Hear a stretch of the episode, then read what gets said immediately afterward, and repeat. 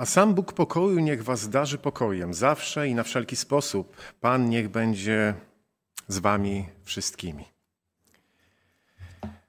Moi drodzy, sądzę, że w ostatnich tygodniach, mijając ludzi i obserwując ich na ulicach, w centrach handlowych, w zamkniętych miejscach, przyzwyczailiśmy się do widoku ludzi zakrywających nos i usta maseczkami lub zasłonami.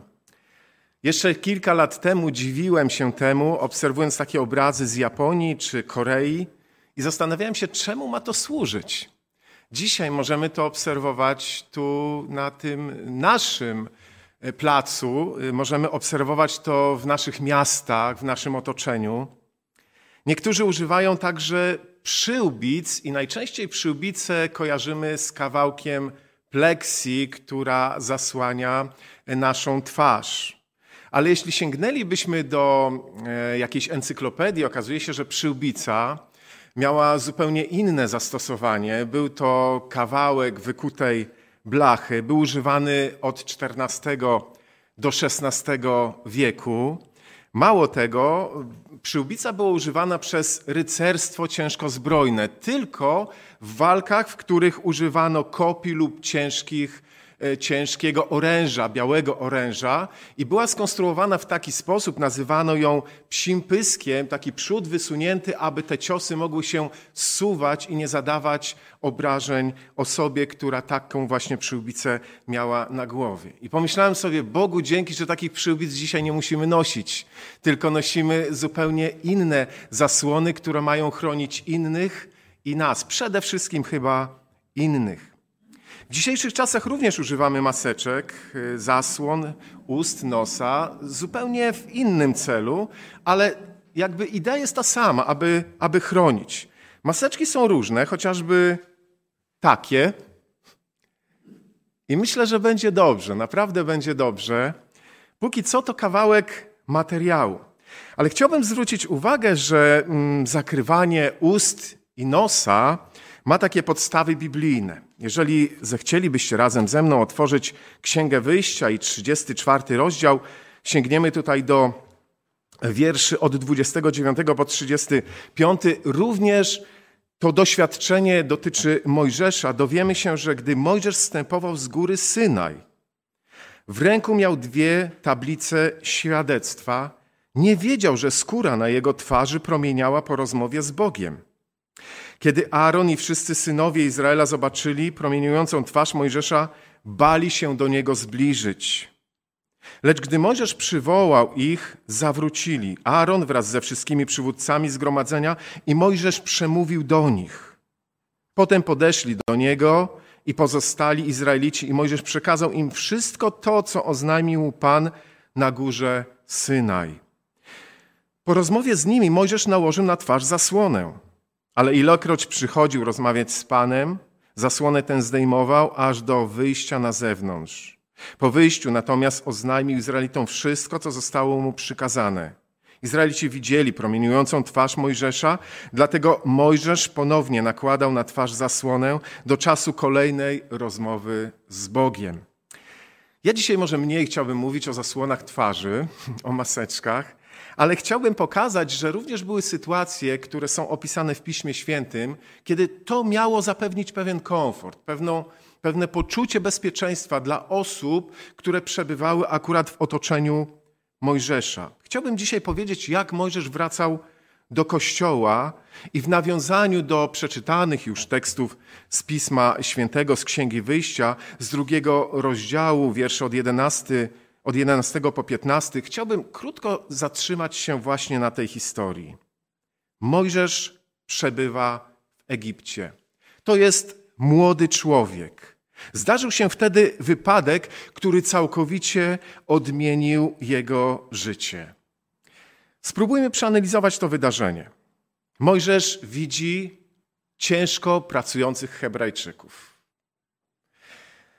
Z tekstu nie możemy wywnioskować, że Mojżesz ubolewa z tego powodu, ale zainteresowała go scena, w której można zauważyć Egipcjanina, który bije Hebrajczyka, jego rodaka.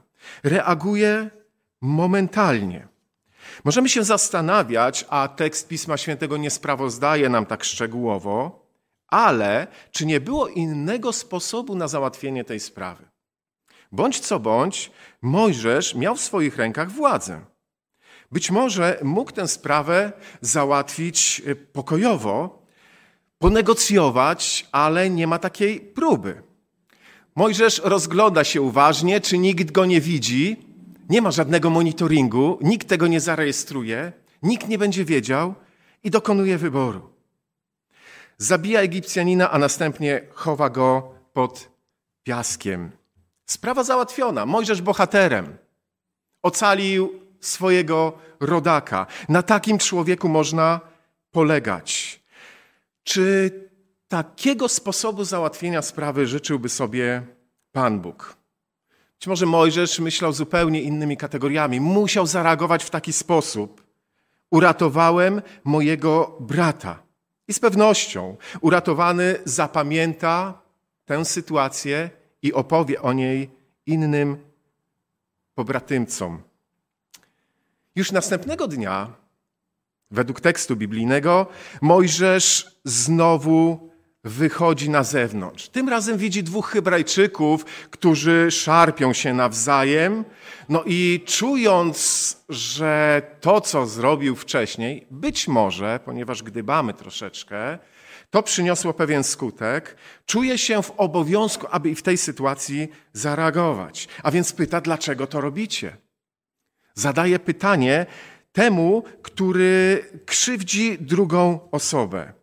No i jego czyn nie został zapomniany. Ale nie spodziewał się, że w taki sposób to wydarzenie będzie podawane dalej. Jego czyn jest pamiętany. A gdzie wdzięczność? Gdzie poświęcenie mógł pomyśleć sobie Mojżesz? I pada dobre pytanie, moi drodzy. Kto cię ustanowił nadzorcą i sędzią nad nami? No właśnie, dobre pytanie. Kto? Pan Bóg? Nie. Faraon? Nie. A więc kto? Na to pytanie nie mogło być odpowiedzi. Mojżesz nie, musiał, nie, nie mógł takiej odpowiedzi udzielić. Wiersz 15 wyjaśnia wszelkie wątpliwości. Faraon nie był zadowolony z takiego sposobu załatwienia sprawy. Mało tego, myślał o zabiciu Mojżesza i ten musiał uciekać. Tak można scharakteryzować tę właśnie historię. Dodać warto, że w życiu Mojżesza ważna jest pewna cyfra. Zgodzicie się pewnie ze stwierdzeniem, że to jest liczba 40. 40 lat w Egipcie, 40 lat na pustyni i później 40 lat w służbie Bogu, ale to nie jedyny moment, kiedy ta cyfra się pojawia. Pozwólcie, że po posłużę się teraz pewną inną, współczesną ilustracją, aby nakładając na to wydarzenie z życia Mojżesza, porównać sposoby zachowania czy podejścia do drugiego człowieka w takich trudnych sytuacjach. Zanim to zrobię, zanim przedstawię tę historię, chciałbym postawić może takie pytanie retoryczne. Czy trudno być dobrym człowiekiem wtedy, kiedy dzieje się dobrze? Raczej nie, prawda?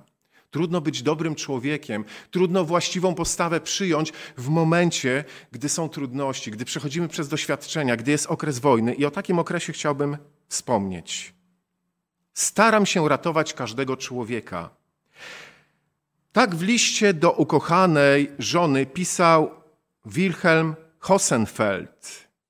O tym oficerze Wehrmachtu, który pomagał Polakom podczas II wojny światowej, Władysław Szpilman powiedział: To jedyny człowiek w niemieckim mundurze, jakiego spotkałem. To jedyny człowiek, w domyśle człowiek. Co robił Hossenfeld? Władysław Szpilman, kiedy spotkał tego oficera Wehrmachtu, był w stanie wyczerpania, pełnego wyczerpania. To właśnie on pomógł mu przeżyć ten ostatni okres wojny. Przynosił mu koce, ubrania, jedzenie. Pomagał mu znaleźć dobre miejsce, bezpieczne, gdzie mógł spać. Ale Władysław Szpilman, dzięki któremu świat dowiedział się o Wilhelmie Hosenfeldzie nie mógł pomóc. Jeszcze wtedy nie znał nazwiska tego dobrego Niemca. Niestety Hosenfeld nigdy nie wrócił do swojego domu. Zmarł w niewoli sowieckiej w 1952 roku. Zanim to nastało, początkowo fascynowała go ideologia narodowo-socjalistyczna. Ale kiedy obserwował kolejne poczynania swoich rodaków, wpadał w rozpacz. Kilka jego zdań z listów pisanych do rodziny. Nie chce mi się wierzyć, iż Hitler chce czegoś takiego, że są Niemcy, którzy wydają takie rozkazy. Jest tylko jedno wyjaśnienie. Są albo chorzy, nienormalni, albo są szaleńcami. Mocne słowa. W innym liście napisał: Nie zasługujemy na łaskę, wszyscy jesteśmy współwinni za to, co robimy innym nacjom. Wstydzę się wychodzić na miasto. Każdy Polak ma prawo splunąć na nasz widok. Jakże inna postawa do tej, którą w tamtym czasie zaprezentował Mojżesz. Rozejrzał się, czy nikt nie widzi i załatwił sprawę bardzo szybko. Staram się ratować każdego człowieka. Hosenfeld przybył do Polski we wrześniu 1939 roku. Jego pierwszym zadaniem była budowa i uruchomienie obozu dla jeńców wojennych w Pabianicach, do którego trafiło prawie 10 tysięcy ludzi. Hosenfeld traktował więźniów z szacunkiem, robił wszystko, by im trochę ulżyć, pozwalał na odwiedziny krewnych, załatwiał wcześniejsze zwolnienia. To doprowadziło do głębokiej przyjaźni z wieloma polskimi rodzinami. On nie tylko ich uwalniał, ale przyjaźnił się z nimi. Pomagał im przez okres wojny. Pomógł w szybkim zwolnieniu aresztowanego Joachima Pruta i także zaprzyjaźnił się z jego bliskimi. Kolejnymi Polakami, których uratował Hosenfeld, byli ksiądz Adam Cieciora, zatrudnił go w szkole sportowej pod nazwiskiem Cichocki, czy chociażby Leon Warm, który uciekł z transportu do Treblinki, także go zatrudnił. Czy chociażby pan Koszela, wyrwany przez oficera w ostatniej chwili z transportu przeznaczonego na rozstrzelanie.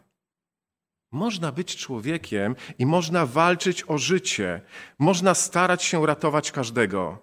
I w końcu Władysław Szpilman, uratowany przez tego oficera Wehrmachtu, Hosenfeld utrzymywał stały kontakt ze swoją rodziną, pisał mnóstwo listów.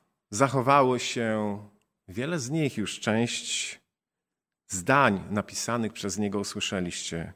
Pozwólcie jeszcze na dwa cytaty. Moja rodzina, pisał z niewoli, jest moją świętością. Żona i dzieci są moimi perłami. Nie wolno mi ich zdradzić. Czy drugi cytat. Chcę się zjednoczyć z Tobą w modlitwie. Bóg da Ci odwagę i siłę. To jedyne pocieszenie, które mnie przepełnia. Wytrzymaj, moje kochane, dzielne serduszko, jestem przy Tobie i stoję przy Twoim boku. Tak pisał do żony.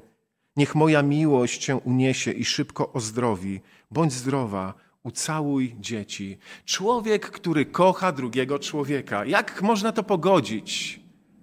Mężczyzna w niemieckim mundurze, w mundurze Wehrmachtu, a jedynie potrafił walczyć o przyjaźń, miłość, o życie i kocha rodzinę. Czy my możemy powiedzieć tak o Kościele? Czy napisalibyście tak, takie zdanie o swoim zborze, swoim Kościele? Wierzę, że tak. Jesteśmy w okresie pandemii, tęsknimy. Moja rodzina, w domyśle zbór, Kościół, jest moją świętością. Są moimi perłami. Nie wolno mi ich zdradzić. Tak na pewno myśli Bóg o Kościele. To Boże wyobrażenie Kościoła. Porównując te dwie postawy, w tamtym czasie Mojżesz nie starał się ratować każdego życia.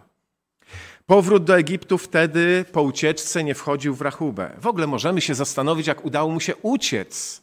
Przecież faraon mógł natychmiast za nim wysłać żołnierzy, którzy by złapali i uwięzili, uwięzili Mojżesza.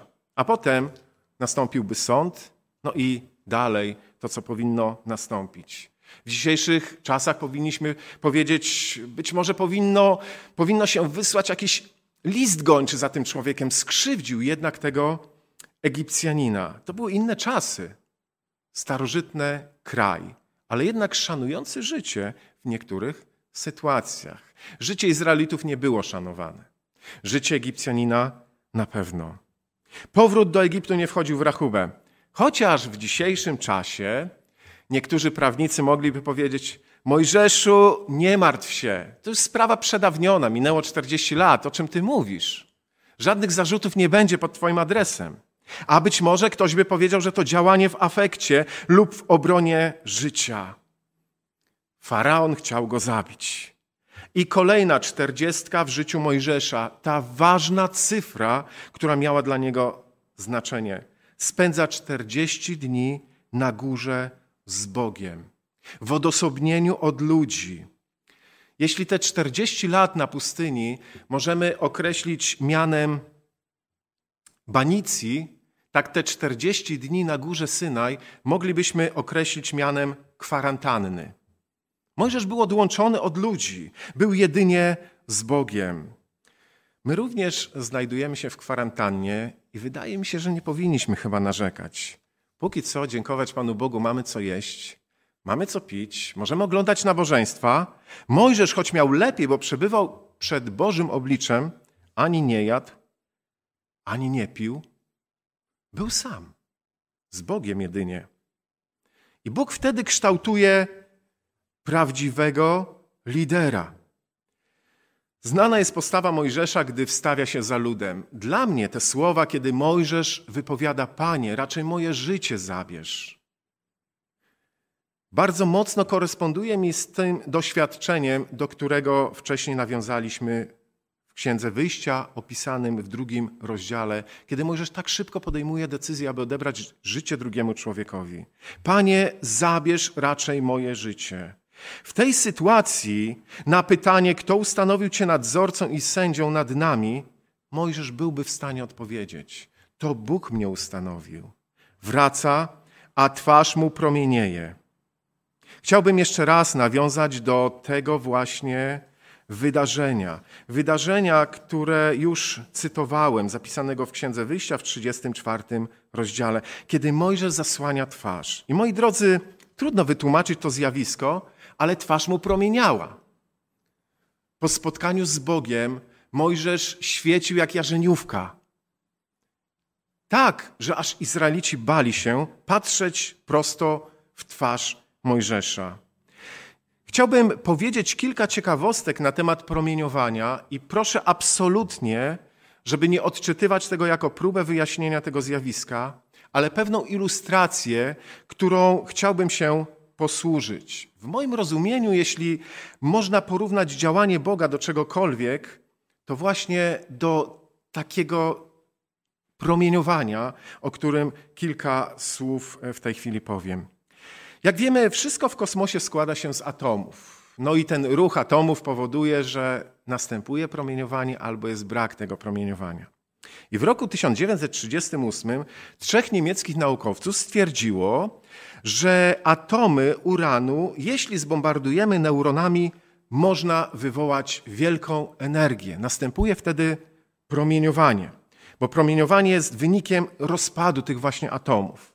I mamy chociażby w muzeum dzienniki Marii Skłodowskiej-Curie z lat 1899-1902 są przechowywane w specjalnym pojemniku ołowianym. 80 lat po odnalezieniu tych dzienników nadal promieniują. I ten proces będzie trwał jeszcze 1500 lat. Tak wyliczono. Promieniowanie nas otacza. Wydziela je słońce, podziemne złoża toru, uranu, emitują promieniowania, nawet cegły, z których stawiamy nasze domy. Granic, z którego zbudowano Kapitol w Stanach Zjednoczonych, jest tak radioaktywny, że budynek nie przeszedłby federalnych testów bezpieczeństwa regulujących pracę elektrowni jądrowej. Jest tam granit, który powoduje promieniowanie. Moi drodzy, ale nie, nie, ma, nie ma co szukać daleko. Wszystkie żywe tkanki w jakimś stopniu promieniują. Zarówno ludzie, jak i banany emitują promieniowanie. Banan zawiera potas 40, który emituje promieniowanie. Mało tego, ludzkie mięśnie również zawierają potas 40. Z uwagi na to, że mężczyźni mają więcej mięśni, z założenia generalnie mężczyźni są bardzo, bardziej radioaktywni od kobiet. taka ciekawostka. Orzechy brazylijskie na przykład, które zawierają tysiąc razy więcej radu niż inne produkty organiczne, są najbardziej radioaktywną żywnością na świecie. No i wróćmy do promieniowania. Promieniowanie jonizujące występuje w trzech podstawowych formach: cząstki alfa, beta i gamma. Alfa są stosunkowo ciężkie i poruszają się powoli, przez co nie są zbyt dużym zagrożeniem. Tak naprawdę metr od takich promieni alfa, będąc w pobliżu takich promieni alfa, może się na dobrą sprawę kartką papieru zasłonić i to ci nie zaszkodzi. Jeśli je zjesz z pożywieniem albo nawdychasz się, one są zabójcze. Mamy również cząsteczki beta. Są mniejsze, poruszają się szybciej, ale również dystans powoduje, że jesteśmy bezpieczni. Trzy metry to już bezpieczny dystans. Wprawdzie kartka papieru nie pomoże, ale już folia aluminiowa na pewno. No i najgorsze, najbardziej zabójcze promienie gamma. To fale elektromagnetyczne o wysokiej częstotliwości podróżują z prędkością światła. Mają najwięcej energii i powodują straszne zniszczenie. Oprócz dystansu, jaki potrafią pokonać, penetrują wszystko z wyjątkiem grubego betonu i ołowiu. Promienie gamma potrafią przeniknąć przez ludzki organizm, nie zwalniając, rozbijając nasze komórki, i dzieje się to jak kanonada mikroskopijnych kul. Wystawieni ludzie na promieniowanie jonizujące w wysokiej dawce są narażeni na chorobę popromienną, a nasze tkanki zostają rozerwane, zniekształcone, zniszczone już na takim poziomie mikroskopijnym. Aż trudno uwierzyć, jak naukowcy badali to zagadnienie. Na początku XX wieku sprzedawano syrop zawierający rad, który miał dodawać energii.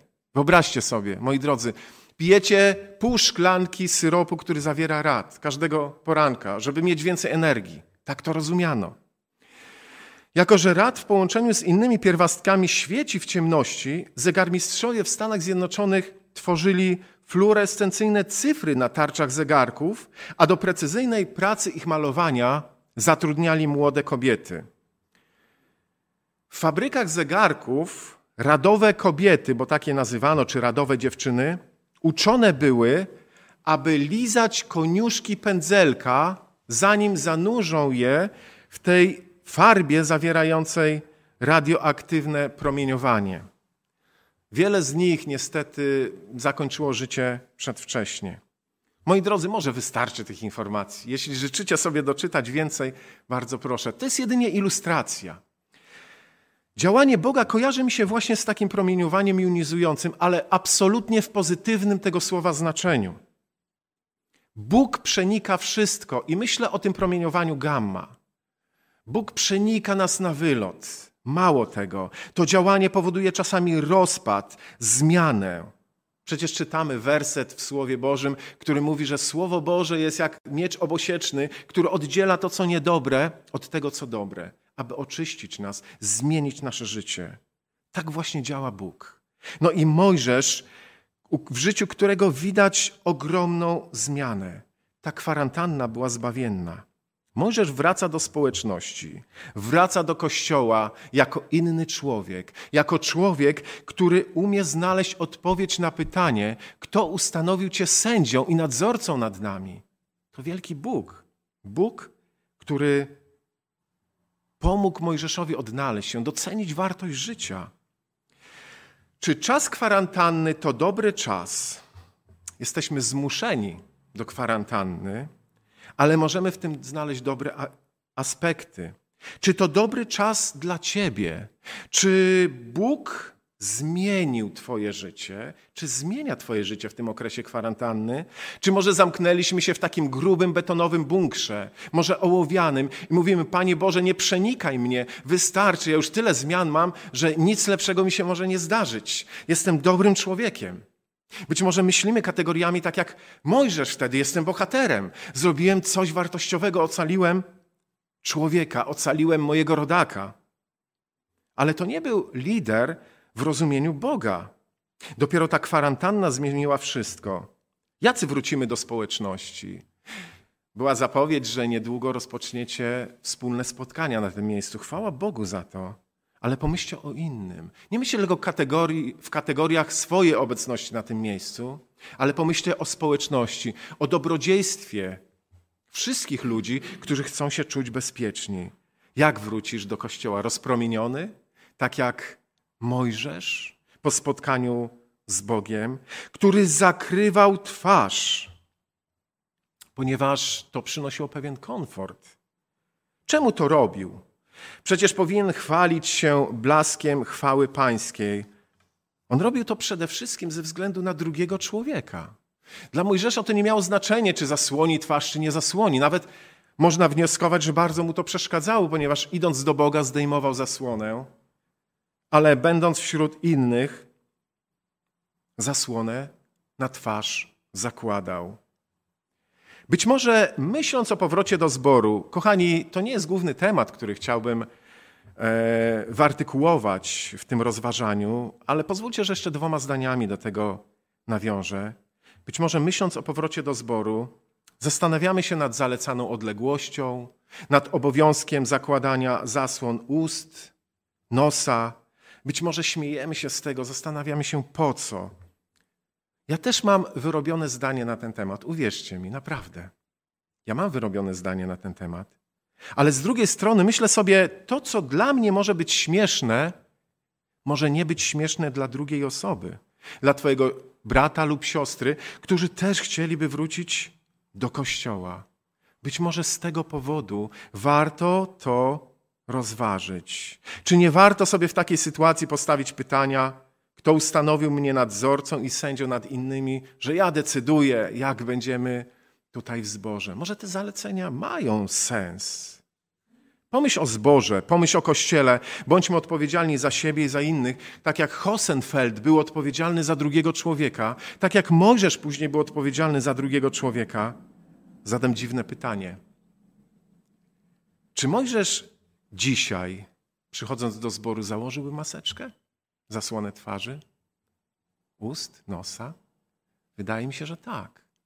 Nie z powodu siebie, ale z powodu drugiej osoby. Bo w kościele jest miejsce dla wszystkich. Cieszę się, że Kościół żyje, bo to Boża oblubienica. Kościół, w którym jest miejsce dla każdego człowieka. I moi drodzy, to nie jest główny temat, na którym chciałbym się skupić, ale właśnie to promieniowanie. Bóg na nas oddziaływuje. Bóg robi wszystko, aby w kościele znalazło się miejsce dla każdego człowieka i żebyśmy wrócili bezpieczni, z poczuciem bezpieczeństwa, że jesteśmy zdrowi, że tu dobrze czas spędzamy. I nie chciałbym, moi drodzy, ja nie życzyłbym tego nikomu, aby w zborach podzieliła nas taka szmatka, nawet z takim napisem. Nie daj Panie Boże, żeby w którymkolwiek miejscu, gdzie będziemy mówili o nabożeństwach, żeby coś nas takiego podzieliło. Niech nas nie dzieli taka szmatka. Niech nas łączy wielki Bóg i to Jego promieniowanie. Niech nas Bóg przenika na wskroś, a nam towarzyszy taka odpowiedzialność za drugą osobę. Jestem pełen podziwu dla Waszego podejścia w zborze tutaj. Jak rozmawiacie o starszych osobach, w jaki sposób ich wspieracie. Uczestniczycie, a widziałem e, zdjęcia również na Facebooku, które wskazywały na osoby ze zboru, z rady zboru, które odwiedzają starsze osoby, aby umożliwić im uczestniczenie w takim nabożeństwie, gdzie są wyświetlane nabożeństwa, właśnie na sprzęcie, który jest przyniesiony do starszych osób. Chwała Bogu, że z taką troską podchodzicie do drugiego człowieka, bo to jest liderowanie w myśl Bożego prowadzenia. To nie jest sposób, jaki wybrał Mojżesz kiedyś. To jest Mojżesz po tej zmianie, on wrócił do kościoła, Bóg go przyprowadził. I moi drodzy, jeśli mówię o tym promieniowaniu, kilka lat temu, gdy moja mama odchodziła, była chora na nowotwora, wiedzieliśmy, że zostało kilka miesięcy życia. I mama była tego świadoma. Zawsze była osobą bardzo mocno zaangażowaną w służbę, w działanie. Jeździła na różne programy organizowane przez Kościół. I pamiętam, gdy rozmawialiśmy o tym trudnym dla niej czasie, gdy proponowałem wielokrotnie modlitwę, czytanie Słowa Bożego, mama sugerowała, może ty się pomóc, może ty przeczytaj. Wiedziałem, że jest jej ciężko. A jak miało być? Skoro wiedziała, że zostało jej kilka miesięcy życia, jak miało być inaczej? Ja modliłem się i moi przyjaciele, których prosiłem o taką modlitwę, mama się modliła. Modliliśmy się o cud. ale jednocześnie prosiłem Pana Boga, Panie Boże, jeśli taki cud nie wydarzy się, proszę przeniknij mamę tym swoim promieniowaniem, tą swoją mocą, Duchem Świętym, by odeszła w momencie, gdy będzie najbliżej Ciebie. I tak przeżywaliśmy kolejne dni, tygodnie, próbowaliśmy udać się i do szpitala, konsultowaliśmy wiele kwestii. I mama była już w hospicjum. I każdorazowo, gdy proponowałem taką rozmowę na temat Pisma Świętego, mówiła, może później, może później. I pewnego dnia, gdy przyszedłem do hospicjum, gdy siedziałem, rozmawiałem z mamą prawie dwie godziny, mówię, mamo, pojutrze przyjadę, jest majówka, na kilka dni przyjedziemy do ciebie, ale muszę po prostu wrócić do, do Warszawy, spakować rzeczy i wrócę z powrotem. I wtedy moja mama pomodliła się nieproszona. Chwyciła, ja już miałem wychodzić moją dłoń, chwyciła mocno w dwie ręce, tak jak na ile siły pozwalały, i zaczęła się modlić. I nie było ani jednego słowa skargi, narzekania, nie było ani jednego słowa, gdzie prosiła o siebie, tylko prosiła błogosławieństwo dla nas, dla dzieci, o prowadzenie dla zboru, dla kościoła. Modliła się przede wszystkim za mnie. I gdy wyszedłem, łzy mi pociekły i powiedziałem: Panie Boże, to już ten czas. Ja wiem, że to ten czas. Rzeczywiście kilkanaście godzin później mama odeszła. Ale dziękowałem Panu Bogu, że odeszła w momencie, kiedy była tak blisko Boga, kiedy Bóg znowu przeniknął tym promieniowaniem, dotarł do serca i znowu te wartości, które powinny być najważniejsze, stały się najważniejszymi, bo nie to powinno nas łączyć lub dzielić, ale Bóg, przede wszystkim Bóg, dobry Bóg, który pomaga nam zrozumieć, że nasza misja polega również na tym, abyśmy głosili Ewangelię na zewnątrz, ale również, abyśmy wspierali się wzajemnie i pomagali sobie nawzajem być bliżej Boga, bo o to tak naprawdę chodzi. Bóg pragnie nas tak zmieniać. Jaki wrócisz do kościoła po tej kwarantannie? Kościół, w którym jest miejsce dla każdego człowieka. Czy takie masz wyobrażenie kościoła? Bo Bóg na pewno. Życzę Wam, moi drodzy, z całego serca, aby to Boże promieniowanie wypełniało całe Twoje życie, przenikało każdy aspekt życia. Niech Bóg Wam błogosławi. Kończę słowami z pierwszej księgi Kronik, z 28 rozdziału, wiersz 9 i 10. Są to słowa dotyczące Salomona, wypowiedziane jeszcze przez jego ojca. A ty, Salomonie, syn mój, znaj Boga, ojca twojego, i służ mu z całego swego serca i z duszy ochotnej, gdyż Pan bada wszystkie serca i przenika wszystkie zamysły. Jeżeli go szukać będziesz, da ci się znaleźć. Jeżeli go opuścisz, odrzuci cię na wieki. Miej się więc na baczności, gdyż Pan ciebie wybrał, abyś zbudował mu dom na święty przybytek. Zabierz się dzielnie do dzieła. W jakimś sensie my od nowa będziemy budować ten kościół. Będziemy ostrożnie to robili, wychodząc naprzeciw, biorąc pod uwagę pewne potrzeby, być może zalecenia, również państwowe zalecenia dotyczące bezpieczeństwa. Niech ten budowany na nowo Kościół, to nie jest od nowa, czy przywracany bardziej Kościół, tak powinienem to określić, będzie błogosławieństwem dla Pana Boga. Dla wszystkich, którzy w tym Kościele mają swoje miejsce. Niech Bóg Wam w tym wszystkim błogosławi. Miejmy się na baczności, bo Bóg nas wybrał do tego, abyśmy Mu przywrócili ten święty przybytek i w naszych sercach, ale również w miejscach naszych zgromadzeń. Z serca Wam tego życzę. Amen.